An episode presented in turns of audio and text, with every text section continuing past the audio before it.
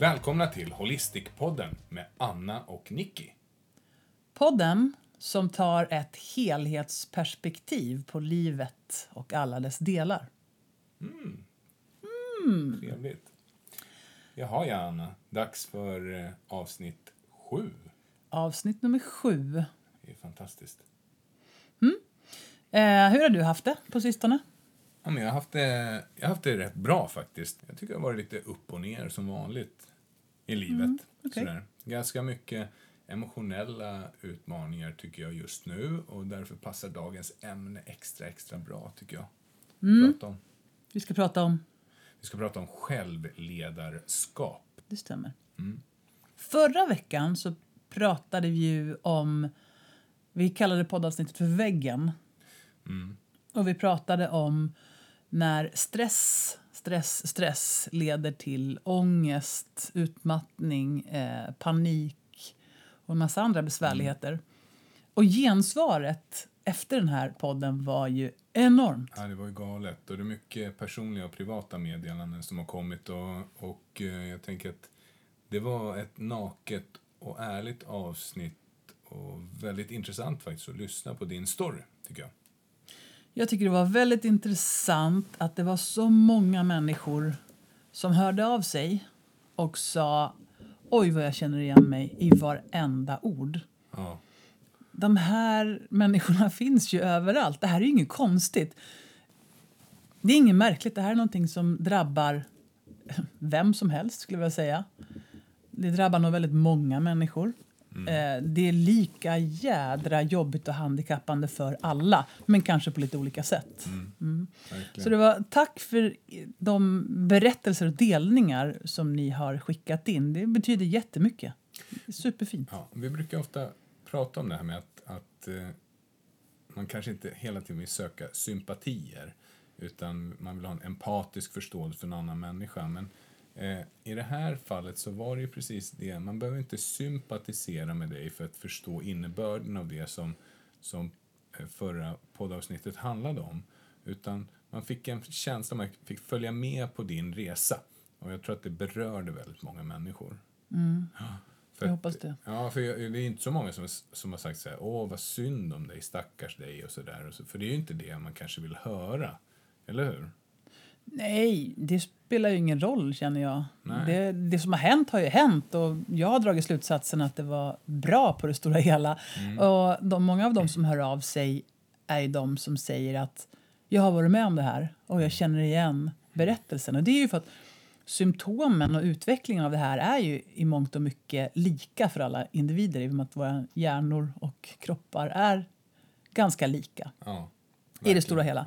Eh, det man hoppas det är att det finns de som lyssnar som kanske slipper gå hela vägen in i väggen och utveckla alla de här jobbiga grejerna genom att höra det här. ja. Du, eh, hur har du haft det på sistone? Jag har haft det ganska bra faktiskt. Jag eh, har eh, känt att det har varit lite upp och nedgångar känslomässigt på grund av att min far är eh, krasslig och det, var, det har varit lite påverkande. Och, och sen så dagens ämne som vi, eh, som vi ska prata om med självledarskap. Det, det kommer väl till pass därför att det är det det handlar om väldigt mycket. För, för mig så handlar det om att när jag är en god inre ledare så eh, funkar saker och ting väldigt bra. I övrigt så har ju veckan som har gått varit fylld av sportlov egentligen. Ja, vi har ju haft sportlov och eh, vi fick den stora äran. Du fick en present 40-årspresent. att följa med våra goda vänner Thomas och Minna Benstem. Yes, upp till deras mysiga stuga i Klövsjö. Precis vid sjön, eh, vad det nu hette. Klövsjö. Det vet jag Nej. inte. I alla fall. Det, otroligt. Sjön hette den. Ja, Ja. i Klövsjö. Sjön i Klövsjö. Ja, men det var fantastiskt. Vilka fina backar det var där. Ja, det var faktiskt jättebra. Riktigt bra skidåkning. Mm. Och vi har aldrig varit där förut, så det var ju väldigt... Dels var det mysigt att se ett nytt ställe, men sen var det ju himla mysigt att få hänga med Thomas och Minna. Vi har ju nu tre barn och de har två ganska små barn. Mm. Och det gör ju att man inte liksom ses jämt och man hinner nästan aldrig prata färdigt. Det gjorde vi inte nu heller. Men Nej. det var ändå fint att få eh, hänga tillsammans med dem och deras ja, barn. det är fint. Och sen är det ju den där äh, liksom, saken som händer när man åker iväg på semester med familjen. Det är ju ganska skönt faktiskt när man, när man har lov, tycker jag. Jag tycker vi är som bäst på när vi är ute och reser. Ja, vi är sjukt bra på Alltså semester. du och jag och även vår familj, vi funkar som bäst när vi är ute och Så Antingen flaxar när vi runt. reser eller när vi jobbar ihop på projekt, då är vi grymma. Nej men så var det väl lite grann om veckan. Mm. Och vad mer? Jo, idag ska vi prata om ledarskap. Men det kommer inte bli ett så här tråkigt avsnitt så att alla ni som tänker jag är inte chef, då stänger jag av. Ja, jag inte med den business. typen. Utan idag ska vi prata om ledarskapet som man utövar på sig själv. Och det här är mer intressant än ni någonsin kan ana. Därför att även om du inte har tänkt på det så är du din egen chef och din egen ledare dygnet runt. Hela tiden. Och det här påverkar precis allt som du upplever i ditt liv från dag till dag och till och med om natten. Det här är självledarskap och det är det vi ska prata om idag. Mm, precis. Mm. Så vad, vad tänker du om, om självledarskap då? Vad är, vad är liksom... Eh, Ja, men, I många år så tyckte jag att det här begreppet var snurrigt, flummigt och lite så här vilket, vilket begrepp? Begreppet självledarskap. Okej. Mm. Eh, jag, jag tyckte inte om det. Ja, men det, det är en liten så här känsla av att det handlar om personlig utveckling och så. Och var inte person, alltså man utvecklas hela tiden som person men, Mm. men det känns som att det handlar om en, en genre. Liksom att åh, det här är mental träning eller någonting sånt där. Ja, men precis. Att det skulle vara lite uppstyltat och Mm. tillgjort och det skulle vara någonting som man skulle göra på något visst schema. Mm. Men nu har jag landat i att det kan heta vad det vill, Mm. men det finns där hela tiden hos alla och det är jätteviktigt. Mm. Och det är det vi ska prata om idag. Ja. Så jag tror att det här ämnet är intressant för alla människor som har ett liv. Oh, Lite så. Men det är också intressant om du är ledare. Mm. Därför att att främja ett bra självledarskap i en organisation är ju betydande. Mm. För om varje delar i helheten i organisationen Mm. kan leda sig själv till ett bättre mående, en bättre funktion och kanske också en bättre prestation då ger ju det ett större utslag än någon annan enskild insats. Och då kommer man ju till det där att eh, vi är alla ledare. Mm. Eller hur? Och det är, ju, det är en viktig insikt att eh, förstå att alla påverkar varandra och man påverkar sig själv jätte- jättemycket. Så, så om vi pratar om självledarskap, då, vad, vad tänker vi då? Vad ska det liksom... Vad ska det leda till? Ja, vi har ju oftast en och samma mål Mm. hela tiden och det är det här med att vi vill sprida välmående. Ökat välmående i livet. Vi vill att människor ska få må bra, bättre. Mm. Och för att göra det så vill vi ge kunskap och kanske skapa insikt och inspirera till att man kan kanske tänka till och kanske använda vissa verktyg för att få mer energi, mer engagemang, mer flow och bra känsla i livet. Senast idag så delade jag på Formholistics Instagram en, eh, en artikel där det står att eh, svenska chefer och ledare mår allt sämre och sämre. Alltså rent psykosocialt så ökar liksom ohälsotalet. Och vi vill ju vara en motpol där, att liksom vara de som kan hjälpa människor till bättre hälsa. Så bättre psykofysiosocial hälsa. Det var ett svårt ord. Så bättre hälsa i huvudet, i kroppen och eh, i relationerna till Ja. andra människor. Ja, snyggt. Och det här är ju inte omöjligt. Nej, det är Nej. inte det. Och det, det, det. Alltså alla har väl någon gång haft perioder i livet där de har mått bättre eller sämre. Och i de här eh, delarna av livet så hittar man också ledtrådar. Jag menar, när du mådde sämre, vad hände då? När du mådde bättre, vad, vad gjorde du då? Och lite grann det här handlar ju ledarskap om också, att liksom se vad gjorde jag bra? Och vad, vilken feedback fick du på det? Och hur tog du till dig av det och implementerade det i din, i din ledarskapsstil till exempel? Hur kan, hur, blev du, hur kan du växa som individ och ledare och person? Och samma sak kan vi applicera på självledarskapet. Och jag gillar ju när det blir lite ordning och reda. så jag tänkte så här att Vi två är nog ganska olika ledare, tänker jag. mm, det tror jag verkligen. Ja. Så det, det, det är också ganska intressant. Det är därför det är kaos i vår vardag. Mm. Men jag är lite bättre. ja, precis. Jag är lite bättre ledare än vad du. Vilken tur som någon liksom täcker upp. Ehm, så det jag skulle vilja ha reda på nu det är vad, vad får man med sig av att lyssna på den här podden? Det här poddavsnittet. Och jag tänker att vi behöver bena ut lite grann. Okej, vad är självledarskap? Hur blir det när det inte funkar? Hur gör man? Har vi några handfasta verktyg att dela med oss av i det här avsnittet? Ja, det har vi. Det har vi ju såklart. Eh, och vad kan jag tänka på kring självledarskap? Så det kommer vi gå igenom här i poddavsnittet idag. För några år sedan så jobbade vi med en klient som vi kan kalla för Johan. Johan var en högt respekterad 38-årig delägare i ett, ett större svenskt företag. Han är gift och har tre barn och när vi träffade honom för ett par år sedan jobbade han 12-14 timmar om dagen. Han kände sig konstant utmattad och trött och hade svårt att engagera sig helt och fullt ut i familjen på kvällarna vilket gjorde honom frustrerad och gav honom riktigt dåligt samvete. Han sov dåligt, tog sig inte tid till att motionera och åt sällan nyttig mat. Utan tog istället något att äta i farten eller när han satt och jobbade till sent på nätterna i tv-soffan. Johan är tyvärr inget ovanligt exempel. De flesta av oss reagerar på ständigt ökade krav på arbetsplatser med att jobba fler timmar, vilket oundvikligen sätter sina spår fysiskt, mentalt och känslomässigt. Det leder till minskat engagemang och ökad distraktion. Hög personalomsättning och höga sjukvårdskostnader. Vi har under de senaste åren jobbat som konsulter och coacher med ledare och chefer på olika nivåer i både stora och små organisationer. Och med anmärkningsvärd konsekvens berättar de här cheferna för oss att de pressar sig hårdare än någonsin för att hinna med och känner i allt högre grad att de närmar sig bristningsgränsen. Det grundläggande problemet med att jobba fler timmar är att tiden är en begränsad resurs. Det finns liksom bara 24 timmar på ett dygn. Och hur kan man då utveckla det på något sätt? Jo, genom att inse att människors egna energi är något helt annat. Energi, eh, som inom fysiken definieras som arbetskapacitet, kommer från tre primära källor som vi ser det.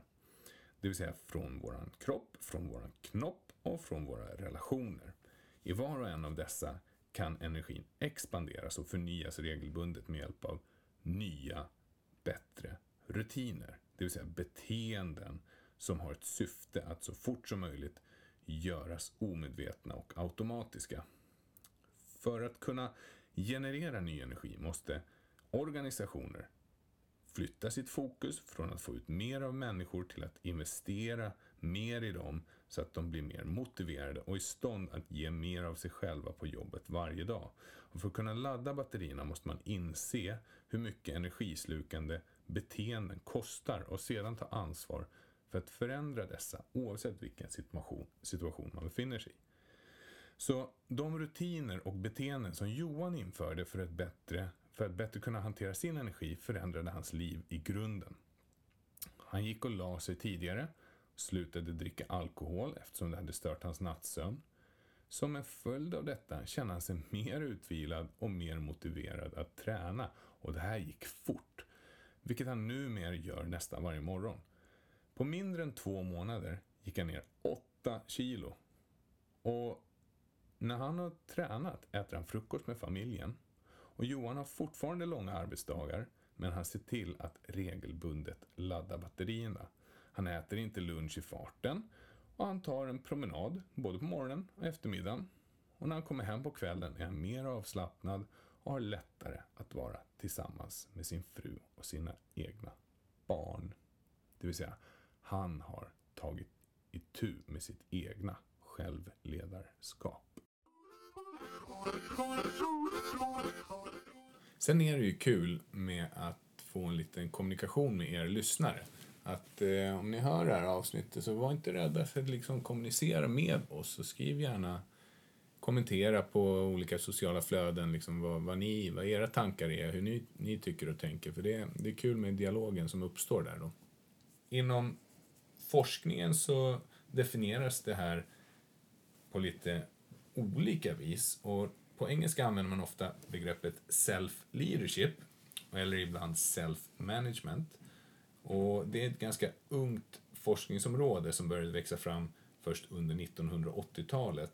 Och det är först under de senaste åren som man på ett någorlunda organiserat vis har börjat förstå vad forskningen har kommit fram till. Och, och enligt experterna då, så betecknar man självledarskap som det inflytande som människor utövar på sig själva för att uppnå den motivation och det fokus som behövs för att kunna bete sig på ett önskat sätt. Mm, det var precis allt det där som jag känner mig skeptisk till. Ja. För det blir så himla fyrkantigt, uppstaplat. Ja, jag håller med. Träligt. Jag håller med. Mm. Det kanske inte behöver vara så komplicerat, eller hur? Nej, jag hoppas inte det. Nej. Jag tror inte det. Eh, så man tänker ju så här, ledare. Var, var hittar vi ledare någonstans egentligen? Vi kan hitta det till exempel i idrotten. Mm. Mm. Där tänker man att det finns en ledare för ett team eller för individer mm. som på något sätt tar ansvar för hur det ska gå till och att det går till. Mm. Man kan hitta det i klassrummet. Mm, absolut. Både Där. bra och dåliga ja. ledare. Ja, verkligen. Man kan hitta informella ledare. Mm, verkligen. Den som inte är satt till att vara ledare men som ändå i gruppen är stark och därmed påverkar gruppen väldigt mycket. Mm. Det brukar bli problematiskt med informella ledare. Ja, det blir det eftersom då det, det på något sätt undergräver ju det riktiga ledarskapet mm. många gånger. Sen tänker man ju på jobbet. Där hittar man ju oftast ledare i form av företagsledare, chefer, mm. underchefer. Mm. Mm. Och hur ska då en bra ledare vara? Det är ju intressant. En, enligt mig så skulle det ju vara så att en bra ledare är ju någon som orkar motivera, inspirera, engagera andra människor till liksom att göra, göra sitt bästa och ha kul på vägen och må bra. Jag är ju min egen ledare. Mm. Vem är det som bestämmer när jag ska gå och lägga mig nu för tiden? ja du, det är faktiskt du. Det är faktiskt jag. Ja. Eh, när man är egenföretagare så blir det extra tydligt att jag är min egen ledare. Det är jag som sätter ihop mitt eget schema. Om jag någon gång kommer hem och säger så här, vilket jädra skitschema jag har fått, ja. så faller ju poletten ner ganska strax. att ja, men, gå till din chef, det är ju jag. Ja. Mm. Och egentligen så är det så att vi är alla våra egna chefer och ledare. Absolut. Våra egna coacher. Ja. Och det här blir så tydligt när man sitter och samtalar med människor. Är du en schysst coach för dig själv? Mm. Är du en bra chef? Mm. Ger du dig själv ett bra schema? Mm. Ger du dig själv den där klappen på axeln som en bra ledare delar ut då och då? Mm. Det är så självklart. De flesta skulle kunna måla upp en lista på hur en bra chef ska vara. Ja. Ja, men jag vill ju ha liksom en, en balans mellan arbete och fritid. Jag vill hinna träna och vara med min familj. Jag vill få beröm, men också feedback. De flesta kan ju sätta de här epiteten på en chef. Ja, men ska, är det epitet på en chef, menar du? Jag, jag skulle våga påstå att de flesta vet hur en bra chef inte ska vara. alltså, det är sant. Nej, jag tycker du ska inte vara som min chef som bara gnäller och som tycker att man ska göra bra mm. saker. Nej, men liksom, vi, man, vi vet ofta vad, vad vi inte vill. Absolut, det är mm. sant. Men om man vänder på den frågan ja. så är det ganska många som vet vad de vill ha också. Mm. Så det jag vill veta tidigt i en sån här poddavsnitt det är vad är självledarskap egentligen? Mm.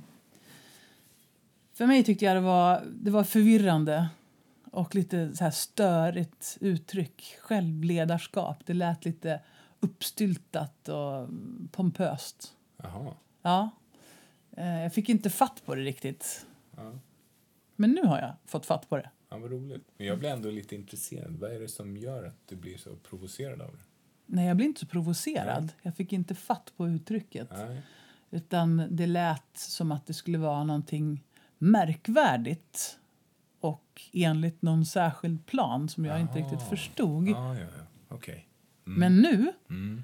så tycker jag att det är helt självklart att ett självledarskap det handlar om att vara sin egen bästa chef, sin egen bästa coach och sin egen bästa vän. Mm. Och det är ju rätt självklart egentligen. Om vi börjar med eh, sin egen bästa chef. Mm. Det är ju så här. Är du den chefen och ledaren som du vill vara för dig själv? Många som jag pratar med, Ja. de lider av stress i sitt liv. Mm. Och de berättar om hur fruktansvärt mycket det är på jobbet att göra. Mm. Och vilket otroligt drygt arbetsschema de har fått. Och alla rapporter som de måste färdigställa. Mm. När man då frågar, men är, är det så att din chef ställer de här kraven på dig? Nej, men jag vill ju leverera perfekt. ja, just det. Precis. Jag vill ju leverera på topp. Så, så det, är- det är jag som ställer de här kraven på mig. Jaha, men, skillnad. men är det arbetsplatsen som säger att du ska sitta kvar till klockan sju på kvällen då och jobba över? Nej, nej, nej, nej, nej. utan det, jag väljer att göra det. Mm. Och där har vi då skillnaden på ledarskap och självledarskap. Mm. Det vill säga, vilken sorts chef är du för dig själv? Är du en sån chef för dig själv som bara accepterar top notch Ja. i alla lägen? Och i så fall, hur blir det för dig? Det kanske inte blir så hälsosamt. Nej, kanske inte. Om man då går till sin egen bästa coach Ja. så skulle man aldrig någonsin anställa en PT, en Nej. personlig tränare eller en instruktör som sa din jädra tjockis, det är ingen idé att du ens försöker, gå hem. Mm. Fan, om du har så där dålig kondition så är det ingen idé att träna. Du kan ju inte, Nej. det är bara att ge upp. Ja. Nej, det skulle man ju aldrig betala för. Nej. Ändå vet jag hur många människor som helst som pratar med sig själva så här inuti huvudet när de till exempel ska komma igång med träning eller våga gå på gym. Mm. Eller inte minst våga gå på ett gruppträningspass som man inte har provat tidigare. Jag har ju varit instruktör i dans väldigt Mm. länge, danspass. Och det handlar ju noll om att prestera. Men mer om att släppa loss och ha kul. Och för att kunna ha kul, då måste du sluta slå på dig själv. Du kan inte stå på ett danspass och slå på dig själv och säga åh, du är klumpig och dålig. Och sen dessutom så säger de det var jättekul men jag var jättedålig så jag kommer inte tillbaks. Eller så här att jag, ja, men jag ska komma igång och träna snart. Jag måste bara träna upp mig först. Ja. Alltså för att kunna gå på gym. Det är en ganska vanlig grej. Det är konstigt ju. Ja, men eh, ska, ska, du, ska inte du komma och träna på gymmet då? Ah, jag måste bara komma igång lite med träningen först innan jag kommer ner till gymmet. Mm. What? Det är så självklart. Eh, man gör inte så här mot andra människor, men man gör det mot sig själv. Vad är det för uselt självledarskap? Jag kom på mig själv. Jag har jobbat som personlig tränare nu i mer än 20 år, snart 25 år. Och det är så givet att man använder positiva ordalag. Mm. Man använder aldrig negativa uppmaningar. Man säger aldrig du gör fel. Nej. Utan man man peppar och pushar. Man säger bra, och så kan du prova att göra så här. Och så prova att tänka på det här. Det vill säga man använder tillord och man använder positiva ord och får mycket bättre effekt. Och det slog mig en gång när jag tränade själv och gjorde några jobbiga upphopp eller vad det nu var. Och så tänkte jag i mitt huvud, Åh, jobbigt, jobbigt, jobbigt. Mm. Och så dök det upp, vad skulle jag säga till en klient? Mm. Jag skulle säga bra! Duktig du är! Kom igen, du orkar en till! Och så började jag skrika det högt till mig själv. Ja, men, men du, får, får jag berätta en liten story då? Det funkade. Ja, jag Ja. fattar. Jag hade en klient, Mm. så en fantastisk kille. Du vet vem det här är. Han, eh, ja, men han, är, han är så himla härlig på många sätt och vis. Och eh, han hade lite problem med balansen. Okej. Så när vi, när vi till exempel gjorde upphopp och han skulle landa så, så tappade han balansen. Det, det, var inget, det var inte så lätt att hålla balansen för honom. Nej, men alltså, har man inte tränat så är det inte lätt till en början, men man kommer ju Ja, dit. Ja. och så frågade jag honom så här. Du, för jag, jag är intresserad av det, vad vi associerar saker och ting till. Mm. Så jag, jag sa så här, när jag knäpper med fingrarna, vad är det första liksom, ordet som dyker upp när jag säger balans? Så knäpper jag med fingrarna. Och då svarar han direkt, müsli. Müsli? Ja, alltså, det här balans, müsli. Från Axa. Och det är lite grann där också att, och, och sen ändrade vi bara det där. Vi, ändrade, vi försökte få honom, hans inre vision av balans var en lindansare som höll balansen och det var jätte, jättebra. Och, så där. Och som ett trollslag bara pang så vart balansen bättre direkt. Mm. Bra inre bilder kommer man långt på. Bra inre bilder och en positiv inre dialog om att jag kan hålla balansen istället för att jag tappar balansen eller oj, oj, vad läskigt det här nu ramlar jag eller något liknande. Mm. Den tredje biten i det här självledarskapet som jag tycker känns så självklart det är att vara sin egen bästa vän. Och Det här tror jag man behöver påminna sig själv om. Därför att om en kompis till dig Mm. kommer till dig Mm. och säger jag känner mig helt värdelös och dålig och det här och det här och det här hände. Mm. Då tror jag att de allra flesta av oss skulle säga ja men du, eh, det var väl inte så farligt. Och Man skulle peppa och pusha. Och man är nog ganska förlåtande mot en riktigt, riktigt bra vän. Att Mm. man liksom är så här, men det är lugnt, kom igen, det var ju ingen fara, nu kör vi. Men mot sig själv. Usch. Usch ja, det kan vara usch ibland. Och det här verkar ju vara lite till mans att vi är inga fullfjädrade ledare. Nej. Vare sig vad det gäller som chef, som coach eller som vän i alla lägen. Ibland kan man vara det. Men det är som att man är extra hård och tuff och krävande mot sig själv. Men tror alla är det då, eller? På lite olika sätt. Jag tror att man har olika takes på sitt självledarskap. Kanske. Men Ja. det kan bli bättre. Gud vad härligt. Ja, men är det något- tycker jag verkligen. Ja, och det är något vi vill ingjuta i den här podden också. Man vill alltid att man ska få en känsla av hopp. Ja. Det ska finnas Ja, för ibland, det är, nästan med allt här i livet så är det så här.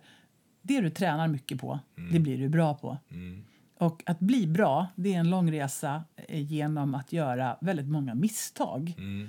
Och misstag är inte misstag som att det är dåligt utan det är någonting som man lär sig av och växer av. Mm. Så egentligen så är det så här, du måste våga göra misstag och så våga göra misstag igen. Men om du aldrig någonsin tränar på någonting, till exempel dans, Ja. då kommer du aldrig att bli bra. Nej, men där, de, de där rädslorna är ändå så himla fundamentala. Så det, är, det är otroligt vanligt att, att vi människor är rädda för till exempel att bli avvisade. Vi är rädda för att någon ska säga nej, du får inte vara med för att du gjorde inte det där bra. Eller, eller, alltså det finns rädslor om saker och ting, men det här är ju bara tankar om rädslor. Alltså det har ju inte hänt ännu, så vi sätter liksom käppar i hjulet genom att tänka på massa saker som ännu inte ens har hänt. Och vi är rädda för att tappa ansiktet Mm. för att vi då kanske inte ska få vara med eller vara omtyckta eller bli respekterade. Men egentligen så är det ju så här, är det inte underbart med människor som vågar tappa ansiktet? Jo, alltså det är ju det rent, rent sådär när man tänker på det romantiskt så är det så här, ja men det är så fint Ja, bara jag slipper göra det. Exakt, exakt. Va, ja, vad gulligt. Så här, våga liksom stå där med brallorna nere. Ja. men, gör det själv då? Nej, tänker jag inte göra. Jag vill vara bra. Ja, det vore Perfekt. pinsamt. Ja, Ja. verkligen. Jag har ju jobbat som coach och tränare under halva mitt liv. Och eh, jag tycker att en styrka, om jag får berömma mig själv lite grann, vilket jag, jag väljer att göra det helt enkelt, det är att jag har tämligen lätt att sätta mig in i andra situationer när det kommer till själva coachsamtalet. Alltså när jag sitter där med klienten så har jag oftast förståelse för vad klienten går igenom. Och jag tolkar det som att jag har haft ganska många fnurror på tråden själv när det kommer till mitt inre självledarskap. Ja, men till att börja med så kan jag ju säga, så slipper du säga det själv. Du är ju en otroligt begåvad ledare och coach och hjälpare och naprapat. Och det är nu man ska säga tack. Tack. Ja, nej, men du har ju hjälpt otroligt många människor på ett sätt som har varit livsförändrande. Vet jag. Eh, du är helt enkelt väldigt, väldigt bra på att hjälpa människor. Och jag tror att du har en förmåga att lyssna in och få fram bra grejer. Ja, Mm. I guess. Det är så svårt när man, att höra det när någon säger det där, för då, då ska man ju vara duktig på att säga ja men tack, vad fint och härligt. Så jag väljer att bara suga åt mig över det där. Ja, bra. Tack Anna. Men sen så sa du att jag har själv haft en massa fnurror. Vad menar du med det? Jo, men om, om någon kommer till mig och pratar om att de vill göra en kostförändring eller de vill komma igång och träna och så, så är det så att jag jobbar förvisso med det här. Men jag har samma kamp inom mig att skapa de här förändringarna på lång sikt. Jag är jättemycket njutningsstyrd. Så jag, jag väljer njutvägen oftare än den här lite mera liksom smärtsamma vägen till målet, även om det på lång sikt blir bättre om jag skulle ha tagit den. Mm. Så för mig är det så att jag väljer ofta den bekväma, den bekväma vägen före den obekväma. Eh, inom mig, för andra som tittar på mig skulle förmodligen inte tycka det med det som folk vet om mig, om olika lopp som man har gjort och olika val i livet och så. Men inom mig så är det till exempel att jag kan freaka ur fullständigt till exempel när det kommer till kost och äter allt skit som man kan tänka sig. Gå upp i vikt och sen så må jättedåligt över det. Istället för att göra det jag vet och det jag kan och applicera det på mig själv. Mm, du är verkligen jätterolig på så sätt. Ja. jag känner få personer som kan så fruktansvärt mycket mm. om kost mm. ur så många olika infallsvinklar. Mm. Jag känner väldigt få människor som kan alla mygram och mikrogram på dagliga mm. rekommendationer på alla jädra näringsämnen. Ja. Men det är nörden inom mig. Mm, du är en riktig nörd. Du kan så sjukt mycket om kost. Och när du väl bestämmer dig för att nu ska jag göra någonting bra då kommer du i form och du mår bra och du mm. säger det är fantastiskt detta. Mm. Men, men det är så här att när jag inte mår särskilt, när jag är ansatt av olika saker, emotionellt framför allt, till exempel när det har varit stressigt och pressat och nu har min pappa mått dåligt, vi har haft lite tjafs som vi pratade om i relationspodden och sådär emellan.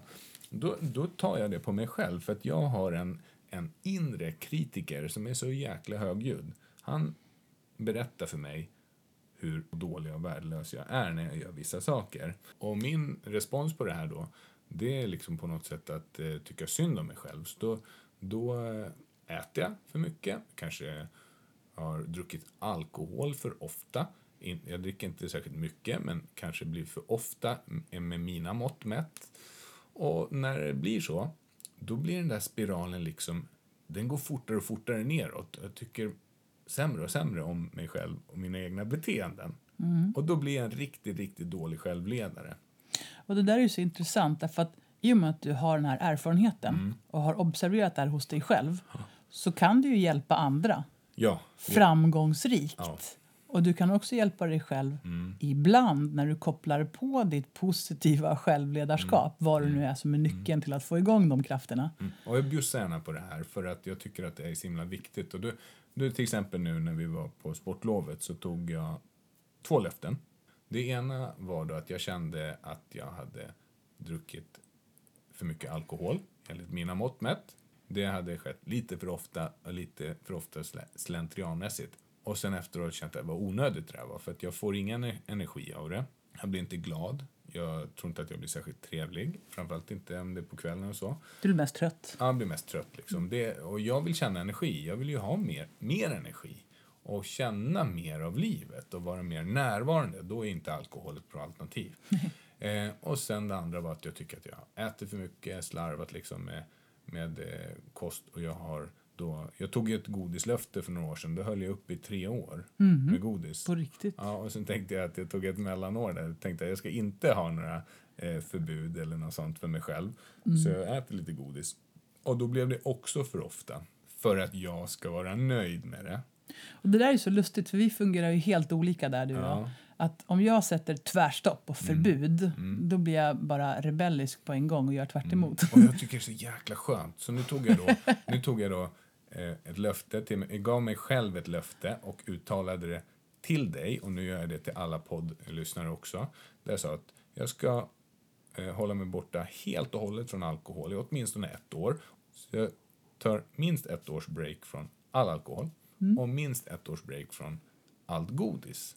Mm. För det ger dig ingenting? Det ger mig inte ett skit. Alltså det, det, det var kul när jag var yngre. Eh, sen, men nej, det är inget roligt. Plus att det går inte ihop med min filosofi. Alltså med mina inre värderingar, min, i min identitet hör inte ihop med de två sakerna. Jag är mer liksom, jag gillar grönsaker och jag gillar bra grejer för min kropp. Spännande. Mm. Mm. Och du är inte så? Mm, hur då menar du? Nej, men det här med att liksom, ja, nu ska jag vara strikt med mig själv och, och det känns liksom skönt. Nej. Nej. Nej, men så här tycker jag helt ärligt. Jag tycker att jag har ett ganska bra självledarskap. Mm. Mycket av det vi pratade om i förra podden, om eh, allt som jag gick igenom då, Ja. har jag också lärt mig väldigt mycket. Ja. Jag fick ju en kraschkurs i att jag behövde lära känna mig själv och hur Mm. jag ska sköta mig själv och sådär. För mig har förbud väldigt sällan funkat bra. Nej. Och, och med, helt ärligt, om jag ska säga så här, strikta riktlinjer Mm. skapar ju någon form av revolt inom det också. Verkligen. Här, kan du följa den här typen av diet? Ja. Ah, vad fan, alltså, gör så här, vadå? Jag? Då, Ja. När du inte har ett självbestämmande, Mm. då känns det som att då, då flippar det. ja, så där är jag. Ja, jag. Jag tycker inte alls om när folk pekar med hela handen och säger nu ska du göra så här och exakt så här. nej. Då det är någonting som börjar klia inombords. Mm. Och det enda bra med det är att jag har ju lärt mig att på det här sättet funkar det. Mm. Jag skulle försöka följa någon diet någon gång för jag ville testa hur det funkade om jag kunde använda det på mina klienter och så vidare. Det var det Mm. värsta jag varit med om. Eh, det var inte alls bra. Jag kan inte ens följa ett recept utan att ändra på åtminstone någonting. nej, det är galet. Mm. Sån är jag. Ja. Och då får man, liksom, då får man eh, rulla med det så att säga. Då Mm. får man lära sig att nej men det blir inget bra för mig. Utan Mm. det bästa för mig är att säga till mig själv Ja, jag kan äta vad jag vill när jag vill men frågan är vad jag väljer idag. ja. Och då blir det mycket lättare. Är det viktigt för dig då att få bestämma själv? Alltid. Alltid? Okej. Alltid bestämma själv och maximal frihet. Då funkar det bra. Lite kan allt. Ja, det är Vill nog- själv. Ja, gud Kan ja. själv. Oj, oj, oj. Ja. Sån är jag. Du hade väl en sån här sägning att det är Annas alltihopas? Mm, det är jag med. Ja. Men hur hänger de två sakerna ihop? Jag menar att, att du vill bestämma allt själv. Ja. Att du, du vill ha koll på läget. Du vill, Ja. du vill själv berätta för dig själv vad du ska göra och så. Du vet bäst. Och så. Och, men det är fint. Alltså, jag menar, jag, jag kan ju... Jag avundas dig på många olika saker som har med din självdisciplin att göra. Och det är en av delarna som man brukar prata om när det gäller själv, självledarskap, det vill säga självkontroll. Mm. Att kunna vara discipli, disciplinerad mot sig själv. Men den är jag ju bra på. Alltså disciplinen har jag ju. Och jag gillar ju liksom att lista upp saker och göra scheman och bestämma mig för att nu ska jag göra det här och det här. Jo, men du är ju det. Framförallt i här områden som många kämpar med, tycker jag. Mhm. Till exempel typ träning. Mm. Där är du så. Om du säger att du ska göra en grej när det har med träning och fysisk utmaning att göra, då gör du det. Mm. Det finns ju liksom inte på kartan att du inte skulle göra det. Jag har bara stött på det en gång. Det var ju när du cyklade hel mountainbike-Vasan Mm. efter att du hade gjort kort mount- mountainbike kort mountainbike-Vasan dagen innan. Mm. Det var typ det enda tillfället. Mm. Du tvivlade lite på dig själv. Vi åkte ju upp för att göra halvvasan mountainbike. Ja. Och du vet, man gör det på kul. Mm. Och så var det jättekul. Jag älskar att cykla mountainbike. Och så visade det sig att jag kom trea. Av alla damer på hela halv mountainbike-Vasan så kom jag trea. Det var ju fantastiskt. Mm. Och det var dessutom första svensk, så det var ju coolt. Och då, ganska kort där, så bestämde jag att "Eh, jag vill köra hela också. Åh, vad roligt det var. Alltså dagen efter pratar vi om det. Dagen efter. Mm. Så jag går in på Blocket och kollar, är det någon som vill sälja en biljett? Och då så står det där att det är en biljett till salu. Ja, vad bra. Och så ringer jag upp den här personen. Och så svarar hans mamma och hon säger ja, du vet han kraschade ju på kuppen förra veckan. Typiskt mig då. Jaha, ja, ja. Ja, ja, ge mig biljetten. Lite. Ja, det struntar väl jag i. Eh, och, ja, och så fick jag den här biljetten och då visade det sig att den biljetten som jag fick tag på det var en av elitkillarna i Sverige i mountainbike. Första startled. Första startled med liksom de allra, allra duktigaste, snabbaste och så jag, en glad motionär på alla sätt och vis. Mest glad. Ja. Starten gick, puff, så var alla borta. Alltså jag hann inte ens över vägen så hade alla försvunnit. Jag kände mig så sjukt dålig. Och sen då visade det sig att elitledet hade då gröna nummerlappar. Alla efter hade gula nummerlappar. Så för alla åskådare så kunde man ju snabbt se att här är en tjej i elitledet som blir omcyklad å det grövsta av gula nummerlappar. Och när man är i den här positionen att man gör sitt bästa och bara blir omcyklad, alltså hela tiden bara cyklar om en, då, då, snacka om dåligt självledarskap. Jag tänkte precis på det. Mm. För det jag sa till mig själv då, det var ju så här. Åh, du är så dålig och långsam och svag och pinsam dessutom. Pinsam, Det- mest av allt var jag pinsam. Ja. Mm. ja, men så började jag känna mig ful också, som om det hade någonting med saker att göra. Ja, verkligen massiv downpepping. Och då stannade jag i Evertsberg och så ringde jag till dig och sa det här är inget kul faktiskt. Nu får du komma och hämta mig, jag skiter i det här. och så stod jag där en kvart och grinade och så sa du, har du någonsin brutit någonting överhuvudtaget? Mm. Nej, det har jag inte. Och så bestämde jag mig för att köra vidare. Mm. Jag, sa, jag, jag är på väg mot dig nu, men du har ju aldrig brutit någonting tidigare, så varför skulle du göra det nu för? Och då tänkte jag så här, men fan, jag kör vidare, skitsamma. Eh, så kom jag i mål och sen så visste jag ingenting om tiden eftersom jag aldrig kört det här förut. Men, ja, men det var en okej tid. Och så kom den här, han som jag tävlar med, alltid lite grann, Ja. Rolle. Ica-Rolle.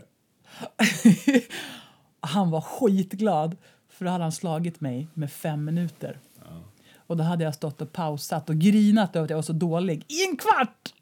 Så egentligen så gjorde jag ett kanonlopp. Men först då så fattade jag att det var ju ett jättebra lopp. Hade jag genomfört det där utan att downpeppa mig själv så fruktansvärt Just det, precis. så hade jag ju kunnat fatta att wow, det var superbra. Ja, och inte det där ganska vanligt då? Det tror jag. Alltså, jag tror att det är jättevanligt. Man börjar svikta liksom. Åh, åh, åh. Och så går det åt massa tid åt att gnälla istället för att bara göra det. Men jag tycker att idrotten lär en väldigt mycket om ledarskap och framförallt självledarskap. Därför att allting ställs på sin spets så himla mycket.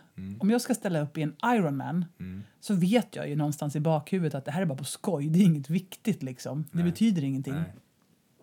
Ändå vet jag också att nu hör absolut inga negativa tankar hemma i mitt huvud överhuvudtaget på de här timmarna som jag ska göra det här. Det spelar ingen roll att jag får skoskav och så ska jag tänka på det. Nej. Så inför en sån idrottsprestation då laddar man ju det bästa man kan i sin fysiologi.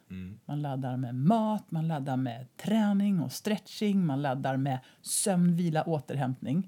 Man optimerar de sakerna. Det är så självklart. Det är en del av självledarskapet Ja. i vår modell. Ja. Man laddar också med vad behöver jag tänka? När allt blir som värst, vad kan jag tänka på då? Jag förbereder saker som jag ska tänka på som jag vet att jag blir så glad så jag får pirr i magen av.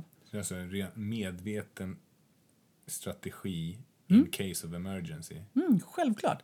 Jag har förberett tre, fyra olika saker som jag tycker om att tänka på. Om det blir riktigt tråkigt så tänker jag på att inreda hus.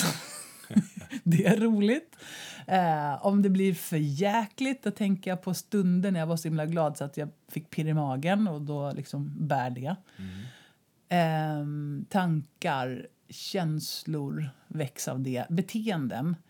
Jag kommer inte att sunka ihop min hållning och börja andas på ett dåligt sätt utan jag tänker också på de sakerna i självledarskapet. Att jag sträcker på mig, att jag andas djupa andetag, att jag kanske sätter ett stort leende i ansiktet när det känns som allra, allra värst och man har halva maratonloppet kvar. Mm. Och jag är definitivt min allra bästa vän. Jag säger schyssta och bra saker. Typ, titta på utsikten Anna, vad fint det är. Helt fantastiskt. Tänk att man får vara här nu och cykla på de här vägarna och solen skiner och vad coolt det ska bli sen och vad bra det kommer kännas när jag kommer i mål och får krama mina barn och Ja, häftigt. hej och hå. Ja. Men gör du det även privat då? När du inte liksom idrottar? Det var den största lärdomen av det här Ironman-året som vi gjorde. Ja. Att wow, alla de här sakerna som många tycker då är tufft, alltså att simma så långt och cykla så långt och sen springa så långt och bli så utmattad. Det klarar jag av och kan sätta bra strategier för på hela mitt ledarskap. Och det är ju inte viktigt. Det är, en Ironman det är ju bara på kul. Det som är viktigt på riktigt för mig det är ju mina barn, min familj, eh, hur jag bemöter alla människor i min vardag, hur jag leder dem som jag har anställda. Det är viktigt på riktigt. Varför använder jag inte alla de här skillsen då? För helt ärligt så nej, det gjorde jag inte. Nej. Så eh, idrotten lär en mycket om Ja. essensen. Och det kanske finns andra områden i livet också som inte jag har stött på, men liksom, det kan ju vara... Så vad är självledarskap? Ja, självledarskap kan definieras på lite olika sätt, men det är framförallt förmågan att kunna påverka sig själv genom de beteenden och de tankar som man härbärgerar inom sig själv. Det finns några punkter som man kan tänka på som är lite extra viktiga. Sju av de här punkterna är självkännedom. Att lära känna sig själv är grundläggande för den som vill utveckla sitt självledarskap.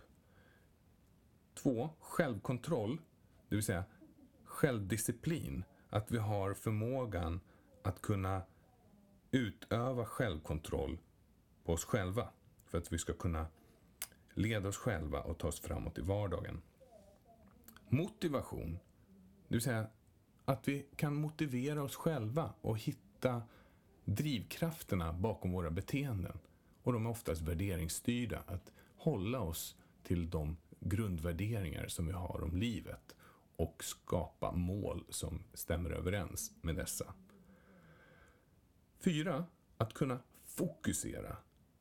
Att bli bra på självledarskap handlar om att kunna fokusera på vad vi ska ägna oss åt och vad vi, vad vi behöver göra för prioriteringar i livet. 5. vi behöver kunna stresshantera. Vi behöver kunna ha strategier för att hantera den stress som vi utsätts för i vardagen. 6. Vi behöver uthållighet. Vi behöver orka genomföra det vi gör.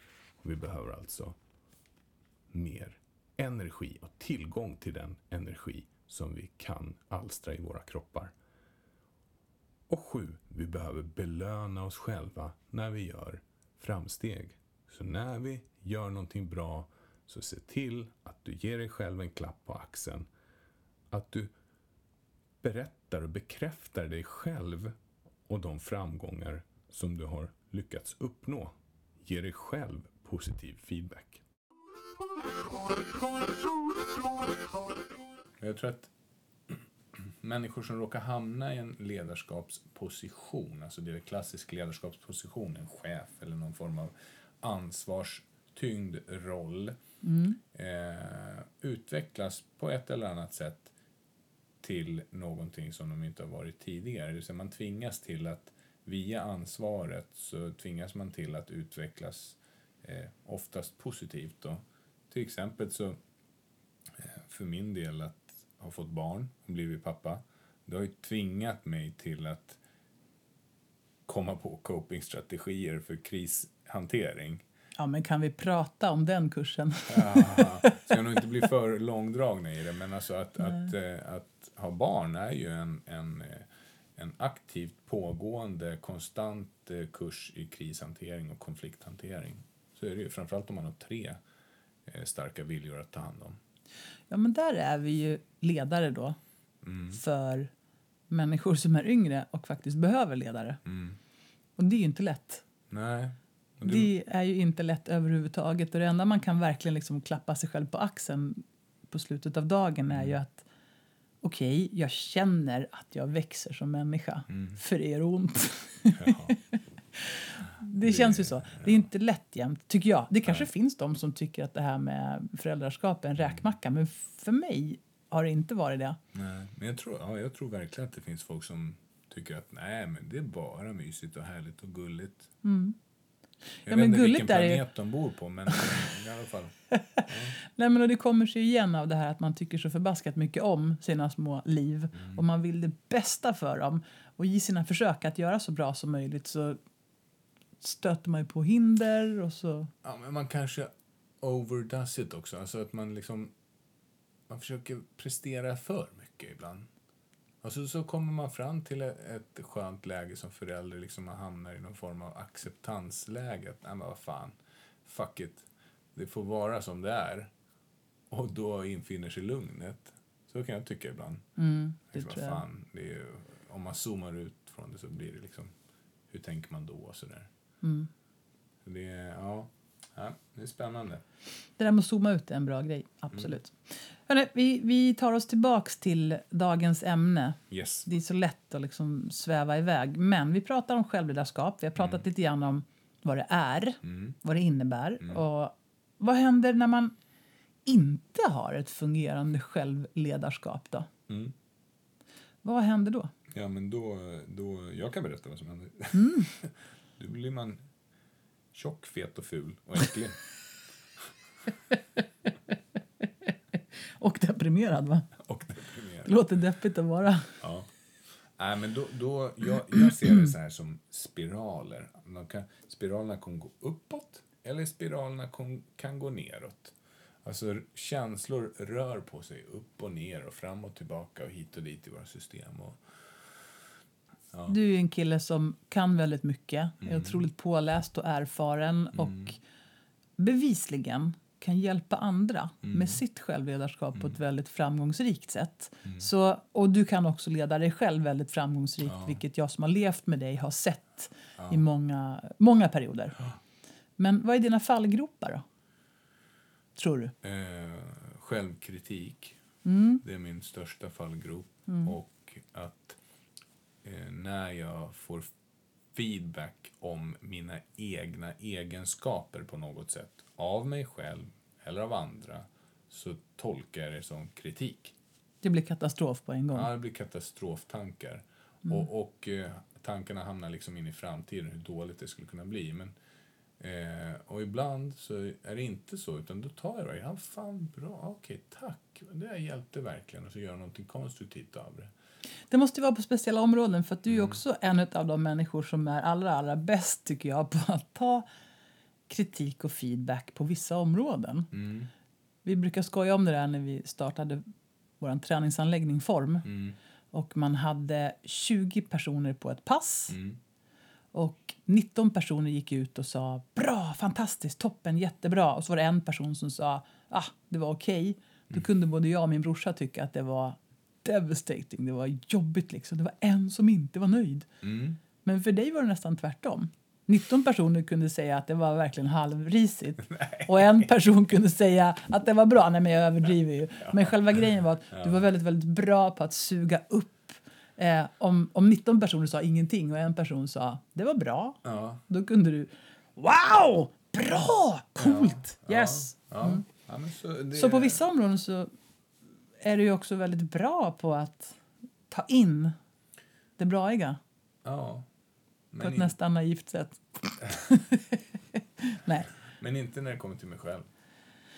där, där har jag ständig liksom, utvecklingspotential känns det som. Det mm. känns som att jag, jag har kommit ett steg vidare på vägen. Och jag, jag, jag tror ju verkligen så att alla människor behöver någon form av coach eller stöd och så. Vi har ju varit väldigt bra för varandra på många sätt mm. när det mm. kommer till den biten.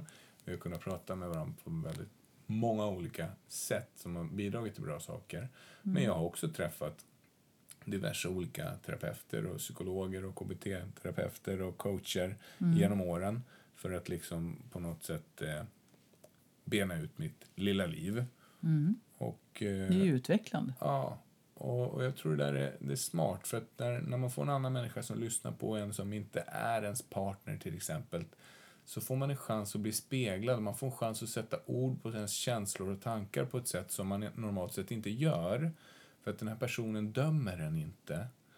Och då, då har man en möjlighet att liksom låsa upp de här låsta dörrarna till sitt inre och skapa någon form av förändring. Och det tycker jag är härligt. Och just nu så har jag träffat en person som, som har gjort precis det också. Där den här kritiken dök upp som ett stort nättroll. Mm. För det är precis vad som händer i hjärnan. Man trollar sig själv. Mm. Man är som en liten jädra nät troll som sitter inne och skriver massa skitdåliga ja, kommentarer. Men utan att gå för djupt så kan man ju säga att vissa saker som man är med om när man är liten kan leva kvar på ett sätt och mm. skapa sår i själen. Mm. Och när saker och ting dyker upp senare i livet mm. som liksom pillar på de här såren, då gör det ont. Mm. Och, och då går de här såren upp ibland. Ja.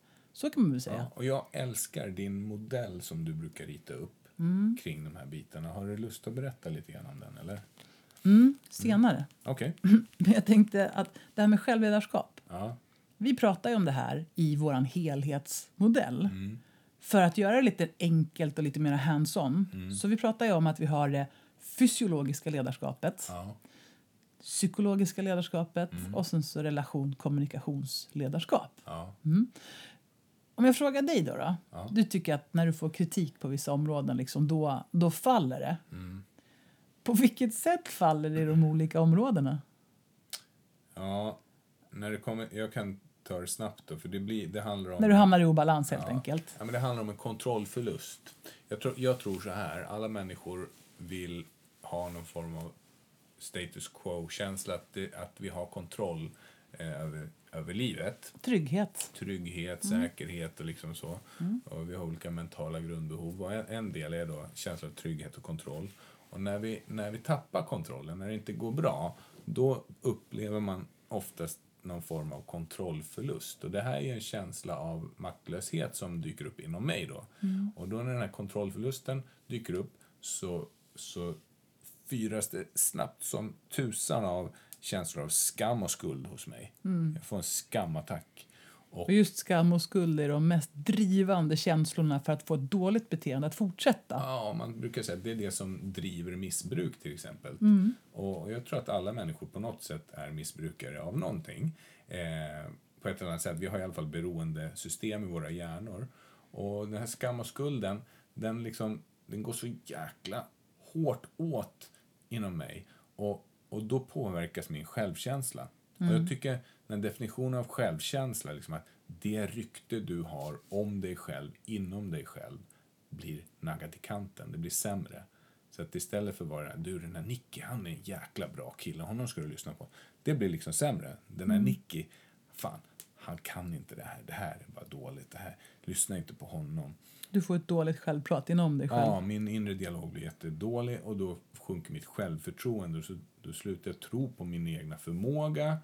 Och går det där riktigt, riktigt dåligt så blir det ett destruktivt beteende av det. Eller så försöker man igen ta kontrollen över situationen. Och så är man inne i den här spiralen. Mm. Uppåtgående och nedåtgående spiraler. Ja. Mm. Och där pratar jag ju väldigt mycket om ute på våra föreläsningar att via en viss händelse som ger upphov till en viss eh, tanke Mm.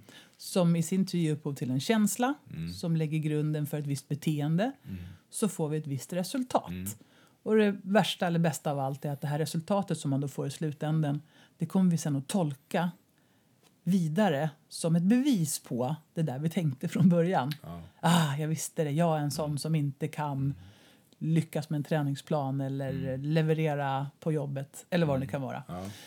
Och det kan också vara positivt så att vi kan förstärka eller försvaga och på så sätt sätter vi igång uppåtgående och nedåtgående spiraler. Och det som är så hoppfullt i det här det är att du kan gå in var som helst i den här modellen och välja en annan tanke. Välja ett annat beteende. Få ett annat resultat. Tolka resultatet på ett annat sätt. Och då kan du vända den här spiralen.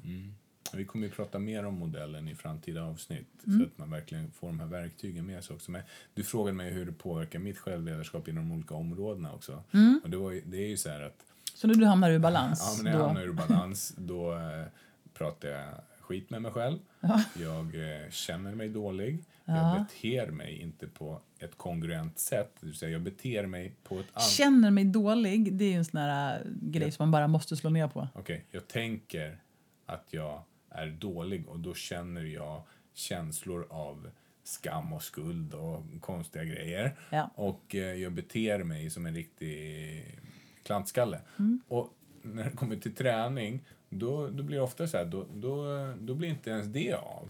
Då tränar jag inte som jag vill, jag rör mig inte som jag vill.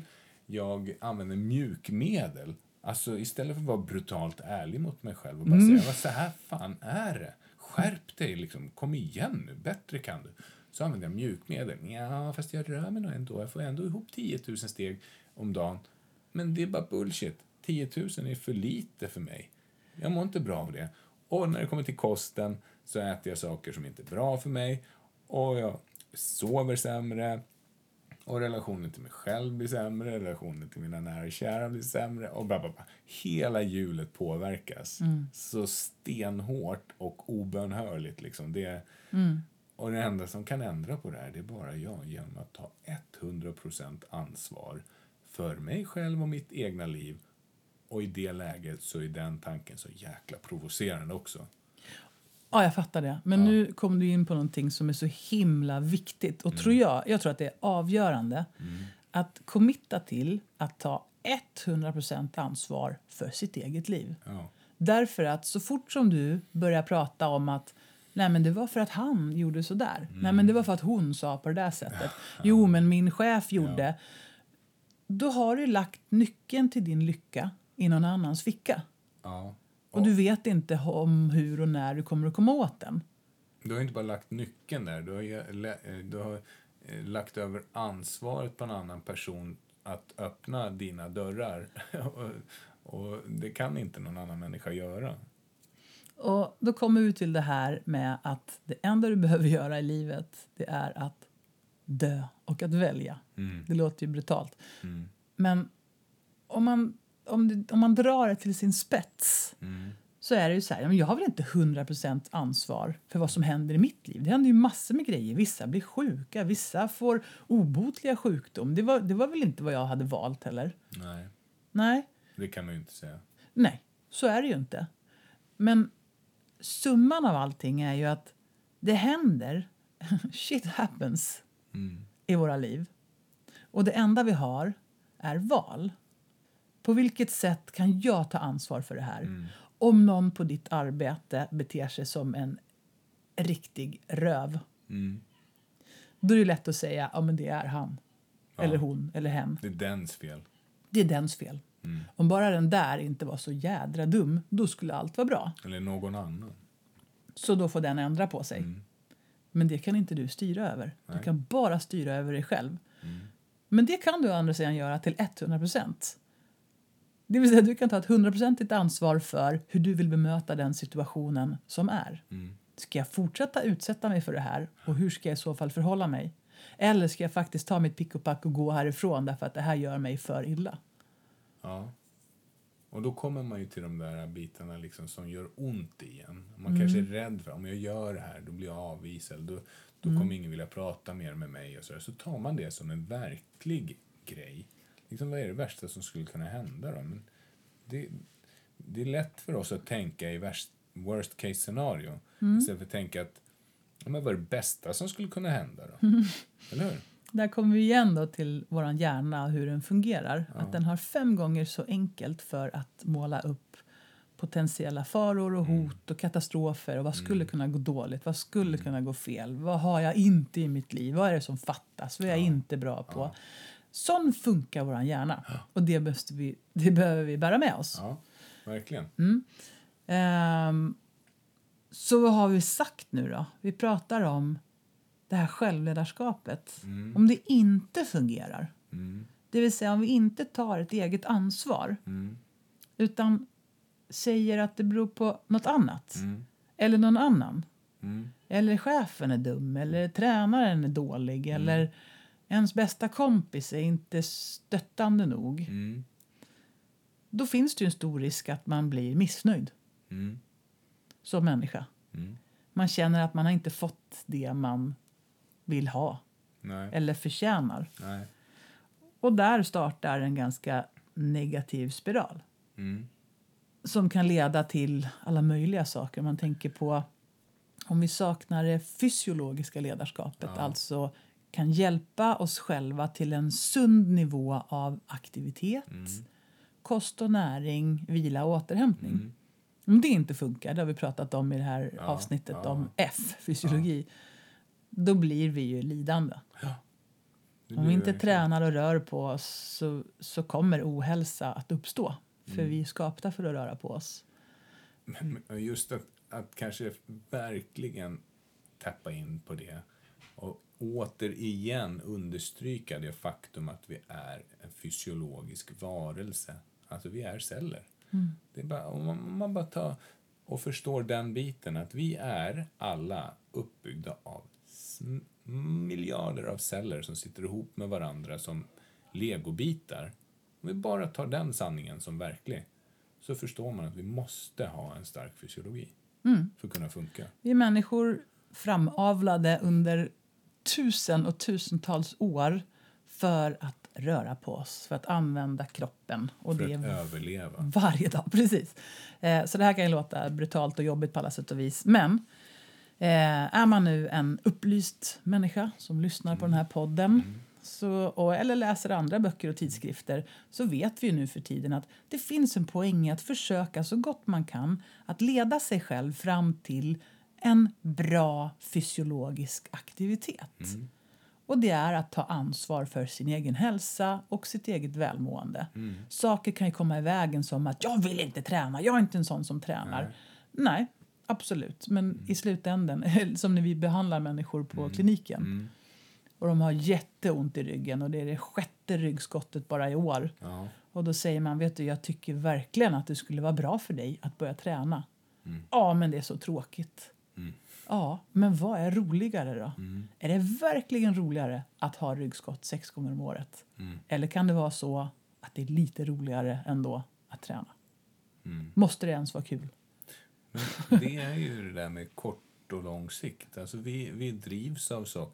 Man, man känner att om belöningen på kort sikt är mer liksom konkret och hanterbar än belöningen på lång sikt, då väljer vi det kortsiktiga beslutet ändå. Därför att då får vi eh, liksom direkt belöning. Och vår hjärna lyser ju upp då. Ding, så blir det åh, dopamin och belöning när vi gör någonting, det här som känns bra nu. Så då går man till oss och får liksom hjälp akut. Så blir man av med problemet. Ah, vad skönt, nu, nu vart det bra. Och så glömmer man bort att det där kommer ju förmodligen komma tillbaka om jag inte gör någonting åt saken. Mm. Men vi brukar ju säga också att ett ryggskott är bland det bästa som kan hända i människans Ja. liv. Därför att det brukar ofta vara den här droppen som får bägaren rinna över. Att, nej, nu får det vara nog. Nu skaffar jag ett träningskort och så ser jag till att gå och tränar en eller två gånger i Ja. veckan eller vad det nu kan vara. Och då när folk har gjort det under en lite längre tid så känner jag, åh vad bra jag mår. Åh, det känns så bra, jag känner mig starkare och piggare, sover bättre. Alla de här sakerna kommer då. Men det behövdes lite pain för att få till förändringen. Absolut. Och så här är det med mycket av den smärta vi upplever i livet så är det ju faktiskt också bland det bästa som kan hända. Det känns inte så när man är mitt i smärtan. Men smärta, frustration och jobbigheter i livet är ju oftast för att någonting bra ska verka fram. Det behövs Jag får ibland. mycket gjort när jag har blåslampan i arslet. Ja, det får du verkligen. Du Då- behöver ganska mycket blåslampa i arslet för att det ska ja, hända men när något. det väl händer så händer det mycket. Då händer det mycket på en gång. Ja, men det som är så jobbigt tycker jag med dig, du har ju en sån otroligt hög tröskel. Det vill säga lite smärta, inga problem. Lite till, inga problem. Det är liksom- smärttålig. Jag är smärttålig. Mm. Det var bra. Där kom Mm, jag på det var bra, det var jättebra. Härligt, det är du. Så vi pratar igen om ledarskapet inom fysiologi. Ja. Eh, vi behöver leda oss själv till en bra fysisk aktivitet. Vi behöver också leda oss själv till en bra näring. Och det här blir så självklart när man tänker på att man har en bil som behöver tankas med rätt bränsle för att kunna rulla framåt. Det är den enklare formen. Jag har ett husdjur. Den behöver rätt sorts foder för att den ska få glansig päls och bra energi och må gott och få alla vitaminer. Och precis så är det med oss människor också. Det är lite så hårt och tråkigt. Vi behöver bra näring i lagom mängd. Vi behöver inte fel näring. Vi behöver inte fredagsmys alla dagar i veckan. Nej, man behöver inte alkohol flera gånger i veckan heller. Nej, precis. Så lika väl, det här älskar jag, lika väl som man kan ta ett ansvar för att hålla en strikt och bra näringsrutin så kan man också se till att lyssna på de här behoven som man får ibland, de här fluffiga behoven. Nu behöver jag choklad.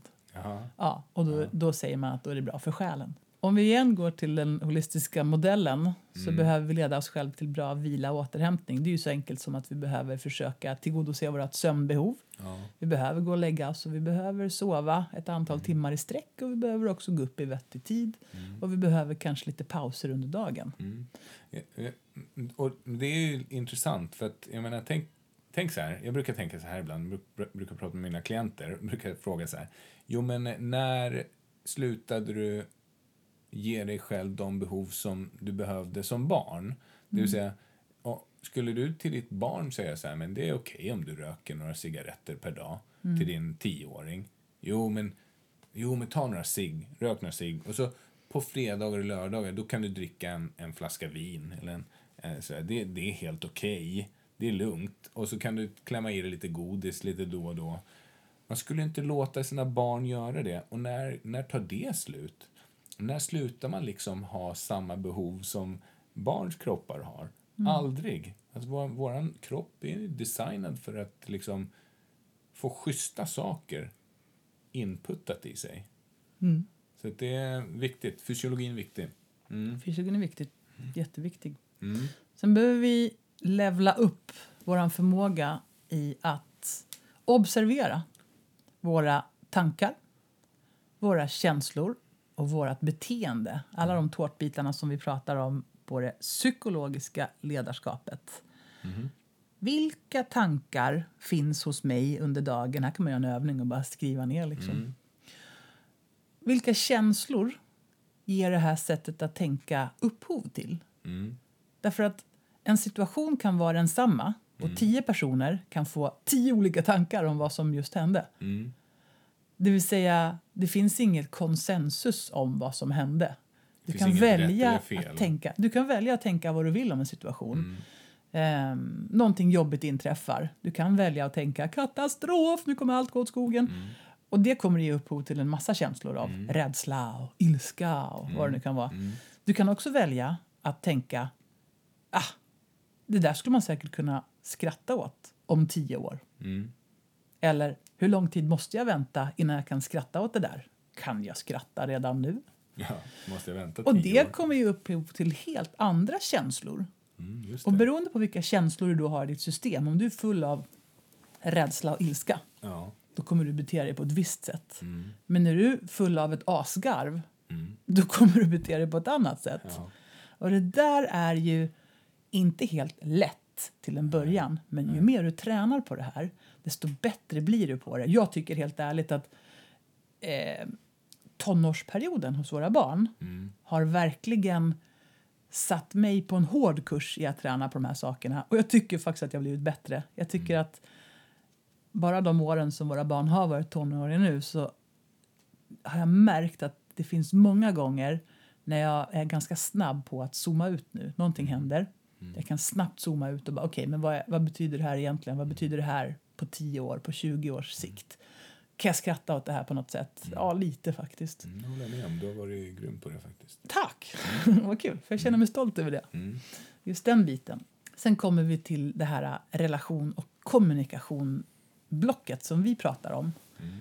Den formen av ledarskap. Då kommer vi direkt till relationen med jaget. Hur bygger jag ett bra självledarskap? Det vill säga, hur blir jag min egen bästa chef? Min egen bästa coach eller tränare om det nu är det som gäller. Och min egen bästa vän. Ja. Och där är det ganska enkelt. Ja, men om jag var världens bästa chef, vad skulle jag då säga till mig själv? Om jag var världens bästa coach, mm. vad skulle jag säga till mig själv då när jag säger jag vet att jag skulle ut och springa men soffan ser så mjuk ut.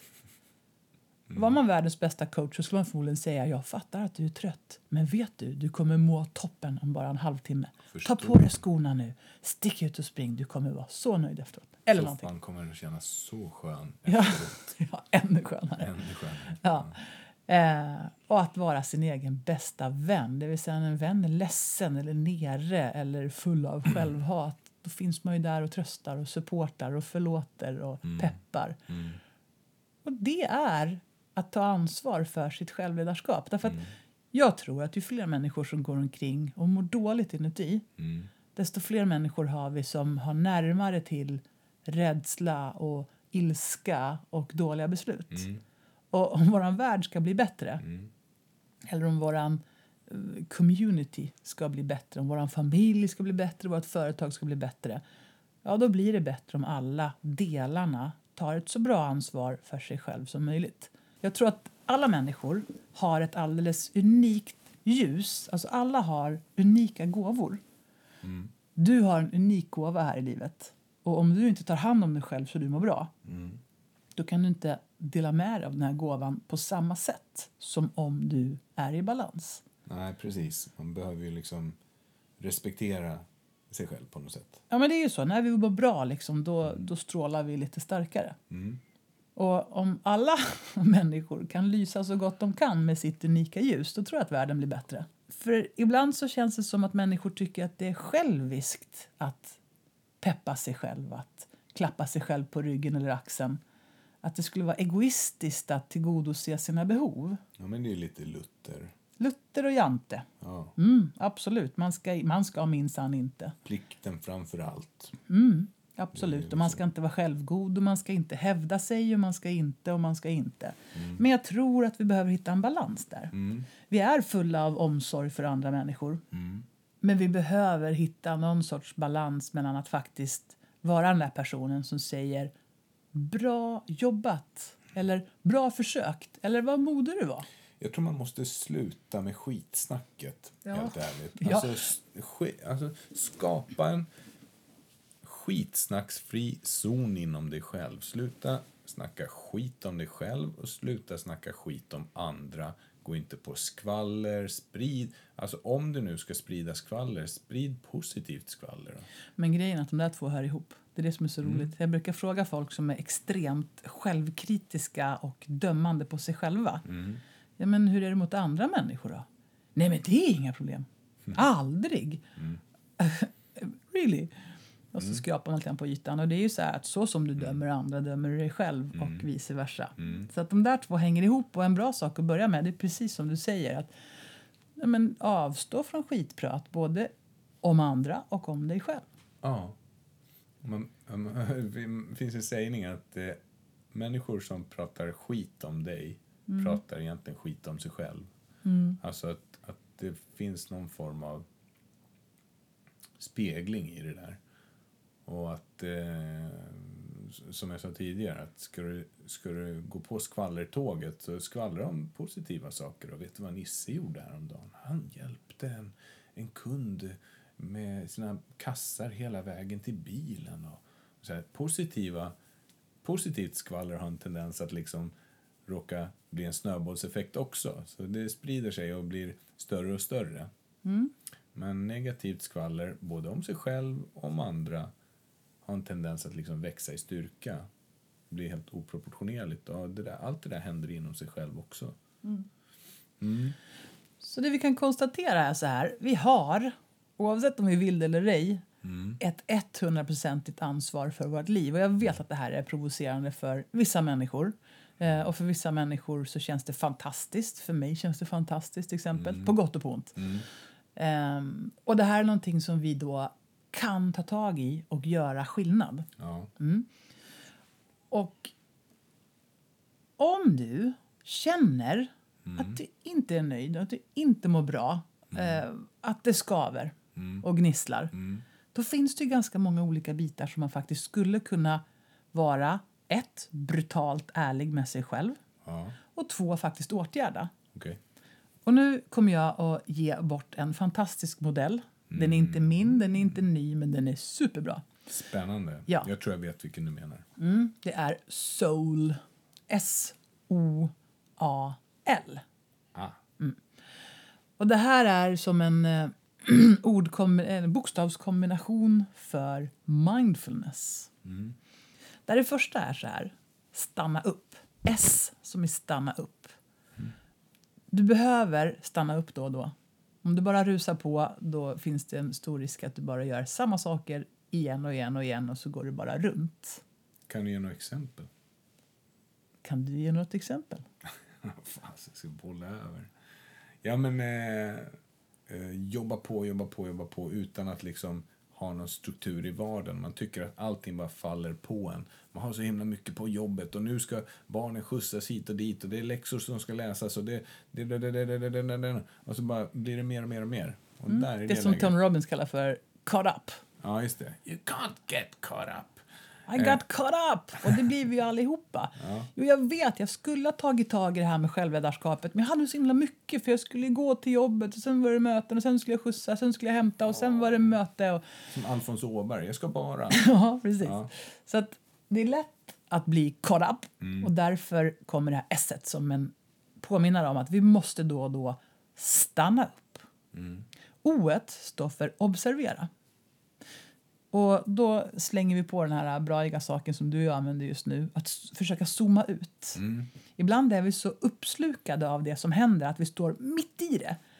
Om ni har kollat på Robinson eller något annat dokusåpaaktigt någon gång så kan man sitta hemma i TV tv-soffan och tänka men spänn av, det är bara ett tv-program. Mm. Men de är där och då, det här är livsviktigt och Åh, om jag inte vinner den här tävlingen. Mm. Vi är så associerade som vi kallar det för Mm. ibland. Och det vi behöver göra då och då för att få perspektiv det är att dissociera, alltså zooma ut. Försök att se dig själv från ett örnperspektiv.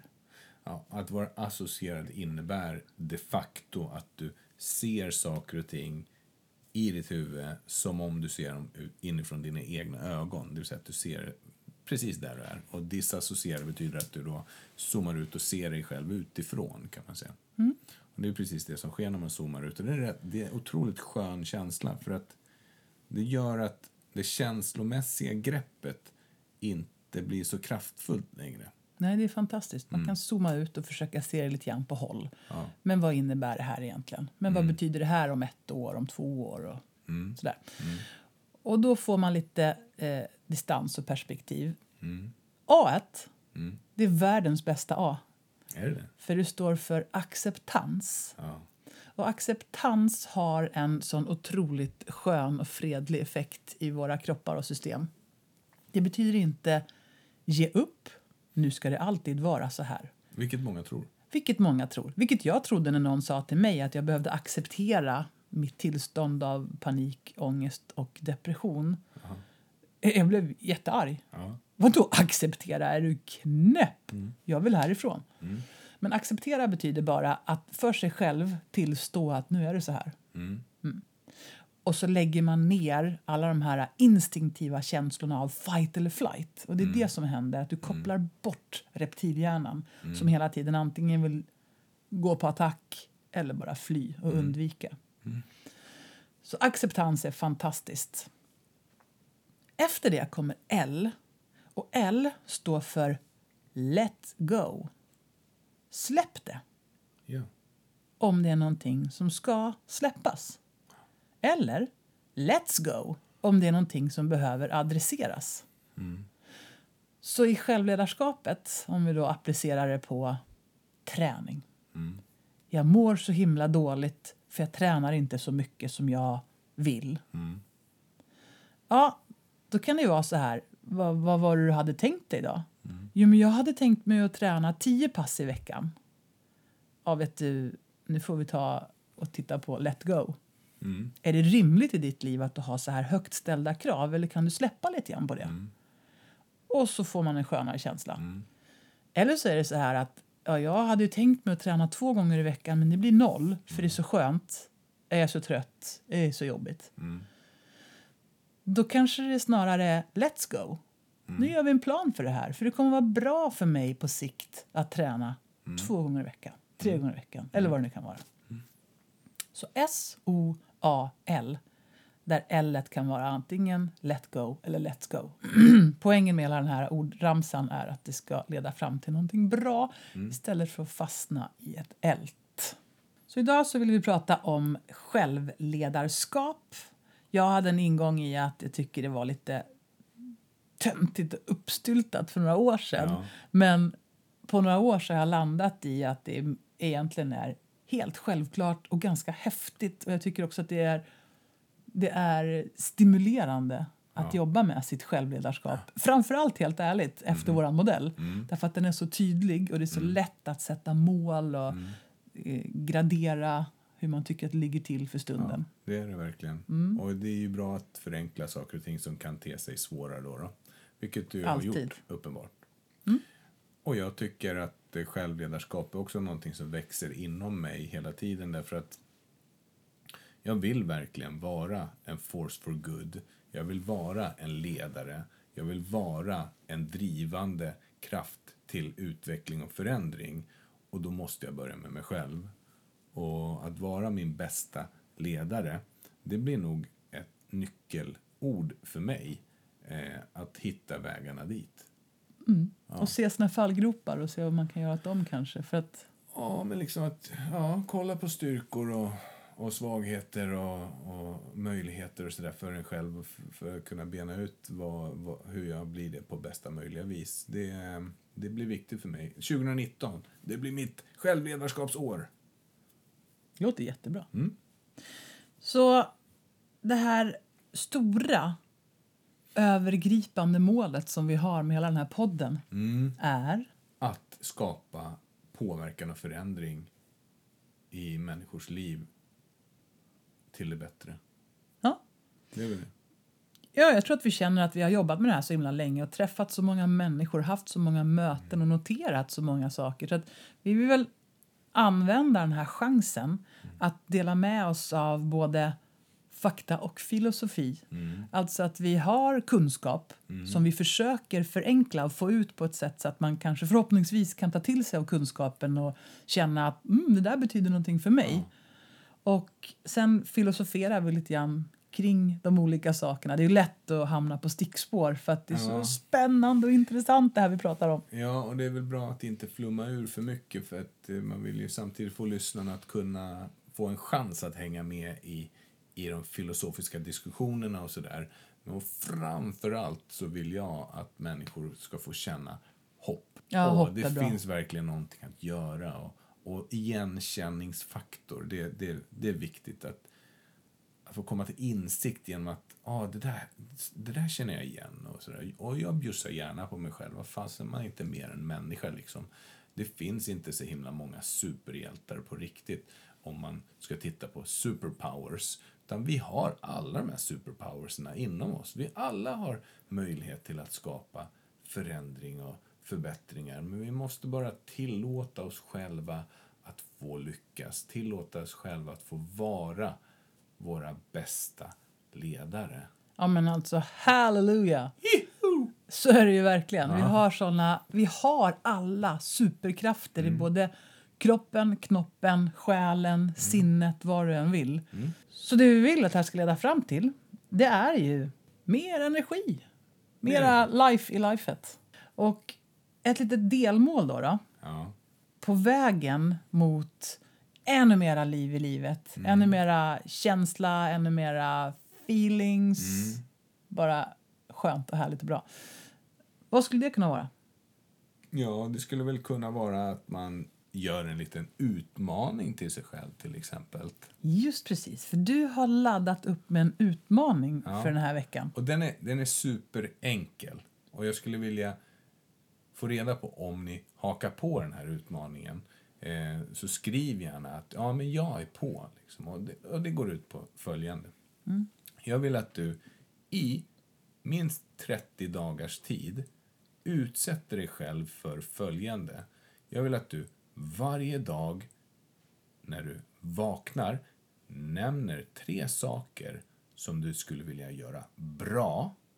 Tre bra saker som du ska fokusera på under dagen som kommer, dagen idag.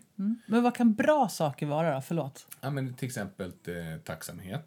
Ja. Vad kan jag vara tacksam över idag? Okej. Eh, idag så ska jag vara min bästa ledare. Och idag så ska jag fokusera på lösningar, till exempel istället för problem.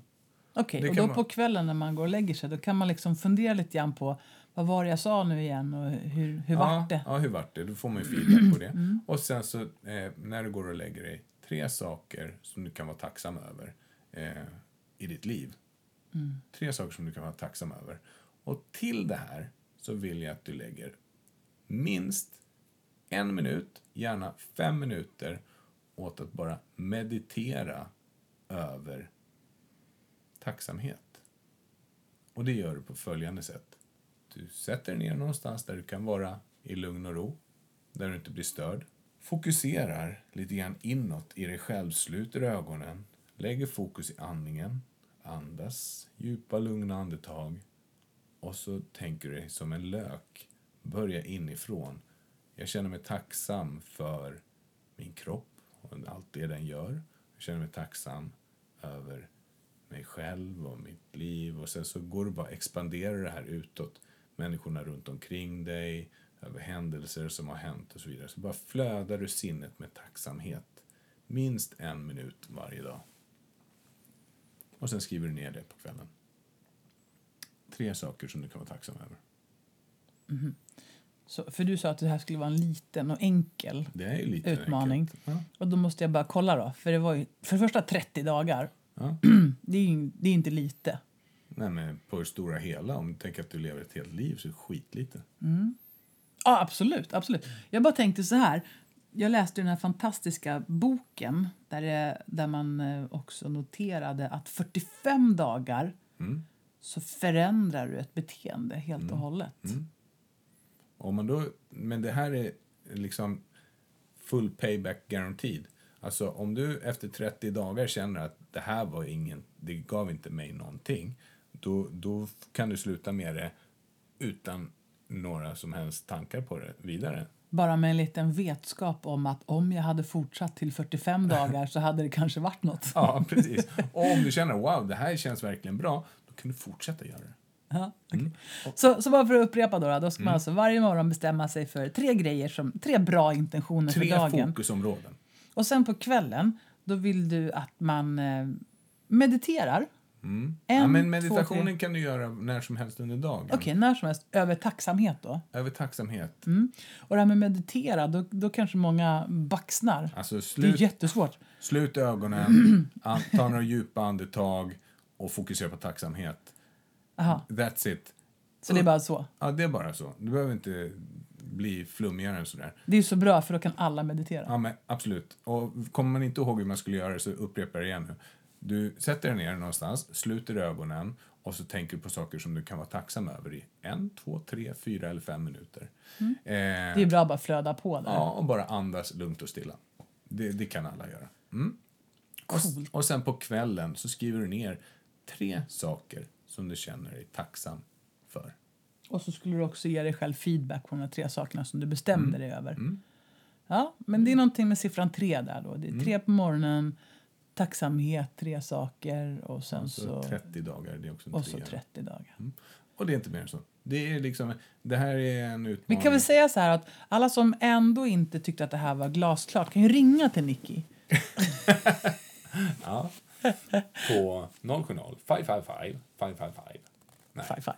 Nej, utan, men hör av er. Ja, om ni undrar. För det vore jättekul om många hakade på. Jag är ju en stor believer på såna här saker Mm. därför att det funkar. Jag ska haka på. Mm. Och om man vill haka, jag kan ge en ytterligare en utmaning om man vill. Mm. Ni får gärna haka på mitt eh, alkohol och godisfria år. Mm. Det är bara att välja. Jag har ju startat det för en, en liten stund, eh, för ett tag sedan. Men om ni vill starta det från och med nu så är det bara att göra det. Det vill säga cold turkey. Jag kommer inte dricka någon som helst alkohol det närmaste året. Och jag kommer inte att äta någon som helst godis på ett år. Och då säger jag, oh wow, nej det skulle jag inte göra. Nej men skit dit då. Det är bara för er som vill. Och det har fått dig att må väldigt bra. Ja, och jag vet att folk som har tagit så alkoholfria år och sånt också, de har också känt att wow, och man behöver verkligen inte. Och man blir så pigg och man blir inte begränsad. Man kan alltid köra bil och hej och hå hit och dit. Så ett delmål på vår resa framåt i det här spännande livet skulle kunna vara att haka på den här utmaningen. Eh, om ni vill ha ett annat delmål och känner att den där utmaningen var bra men inte för mig, då kan ni använda S-O-A-L, SOUL. Fundera lite grann på hur det skulle funka i ditt liv och testa och applicera det här på någon situation som dyker upp och se hur det funkar. Ehm, och då tänker jag så här att nu önskar vi oss en härlig kommande vecka 9. Yes. Februari kommer att gå över till mars. Jag tycker redan nu att vi kan njuta av barmarken. Jag gör det i alla fall. Mm. I alla Det- fall om man bor här i Stockholmsområdet. Ja, precis. Det är ju så fantastiskt underbart. Det är ett mirakel varenda år när man har varit så svältfödd. alltså det är ju det är snö och det är is och det är mörkt och det är kallt och det är hårt. Och så plötsligt så är det brunt och prassligt på marken. Och det är som att hela själen lyfter. Det är så magiskt. Så det kan vi njuta av i vecka 9. Och om det dyker upp tuffa, utmanande situationer då är vi överens redan nu om att det är såna situationer som får saker och ting att hända. Det känns jobbigt i stunden, men det är ju fantastiskt. Vissa säger “welcome frustration” och det ligger någonting i det där. Yes. Jag säger som din eh, terapeut där sa till dig, Mm. Bengt, att jag hoppas att du får några riktigt utmanande dagar så får du öva på ditt självledarskap. Och det är väl det vi gör. Vi går ut nu och övar på vårt självledarskap. Mm. Ja, men jag tycker det känns eh, inspirerande. Ja, vad roligt. Det känns så, roligt. Ska vi göra så här också att vi lägger ut vår holistiska modell i bloggen? Bloggen som alltid släpps samtidigt som podden. Så att vill man in där och kika på de här olika tårtbitarna som vi har pratat nu i avsnittet så ligger det där. Verkligen. Kul, Fasen för det känner jag att jag vill ja, göra. Det, det känns kul. Så vad, vad, vad tar vi med oss för känsla härifrån nu då? Är Ja, det hopp? Ja, men vet du? Jag, jag känner att jag tar med mig en känsla av absolut hopp. Det känns liksom ljust och uppåt. Men det är också en känsla av någon så gemensam glädje av att vad fasen, vi gör det här livet och vi trillar på näsan ibland men det är inte så farligt. Nej. Vi, jag, menar, jag skulle lätt klappa någon på axeln som tog i allt de kunde tills de ramlade på näsan. Och jag kan lita på att det kommer folk att göra med mig också. Vi gör det här tillsammans. Och det är okej att falla då och då. Mm. Så istället för att klaga på chefen och på de ledare du har runt omkring dig, se till att vara den bästa versionen av dig själv. Fundera Mm. på hur kan du vara jag 2.0? Hur kan du vara en bättre ledare inom dig själv, för dig själv och för alla andra in i en framtid av hopp och tro på dig själv? Jag ska bara lägga in en liten grej. När vi är på semestrar tillsammans, vi är bra på semestrar. Ja, vi är vi är fantastiska. Vår familj är magisk på semestrar. Men då har jag ett litet tics och det är att jag vill gå upp för berg i tid och otid. Och det är mest bara jag som vill det. Jag vill det så jättemycket för jag blir så himla glad och det är så härligt och det är som det är en sån här Sound of Music-känsla när hela familjen går där med små ryggsäckar och vi bestiger berg i flera timmar. Jag tycker det är underbart. Eh, och alla andra tycker visst inte det. Helt okej. När vi kommer ner så är det ju fantastiskt. Mm, precis. I alla fall. Och då, då bestämmer man sig ju bara. För det är inte så att man frågar sina barn och så säger man vill du gå upp för ett 2000 meter högt berg? Då säger de nej såklart. Utan då säger man så här, nu ska vi göra det. Mm. Och då går allting jättebra. Nej. Nej. Utan då surar de ur titt som tätt och tycker att det är jobbigt. Och då satte vi en regel. Okej, du får bli skitarg och jättesur i en minut. Mm. Men sen går vi vidare. Mm. Den är bra. Vi kan ta med oss den. Ja. För jag tänker att ibland blir man ju arg och sur. Okej. Och då kan man väl få arga ur i någon minut. Så du får bli arg, men bara i en minut. Sen får man försöka hitta tillbaks till sina goda ledarskapsstrategier. Bra. Skönt. Den är snygg. Nej, vad fasen. Är vi klara? Vi är klara. Hej då! Hej då! Följ oss gärna på sociala medier. At Formholistic på Instagram, Formholistic på Facebook och Formholistic Leadership på LinkedIn. Vill du komma i kontakt med oss så går det bra att kontakta oss någonstans via sociala medier eller på till exempel formholistic@gmail.com. Och det går bra att gå in på vår hemsida www.formholistic.com. Formholistic med ett c i slutet.com. Vill ni anlita oss för föredrag och kurser och events så kommer vi mer än gärna ut till er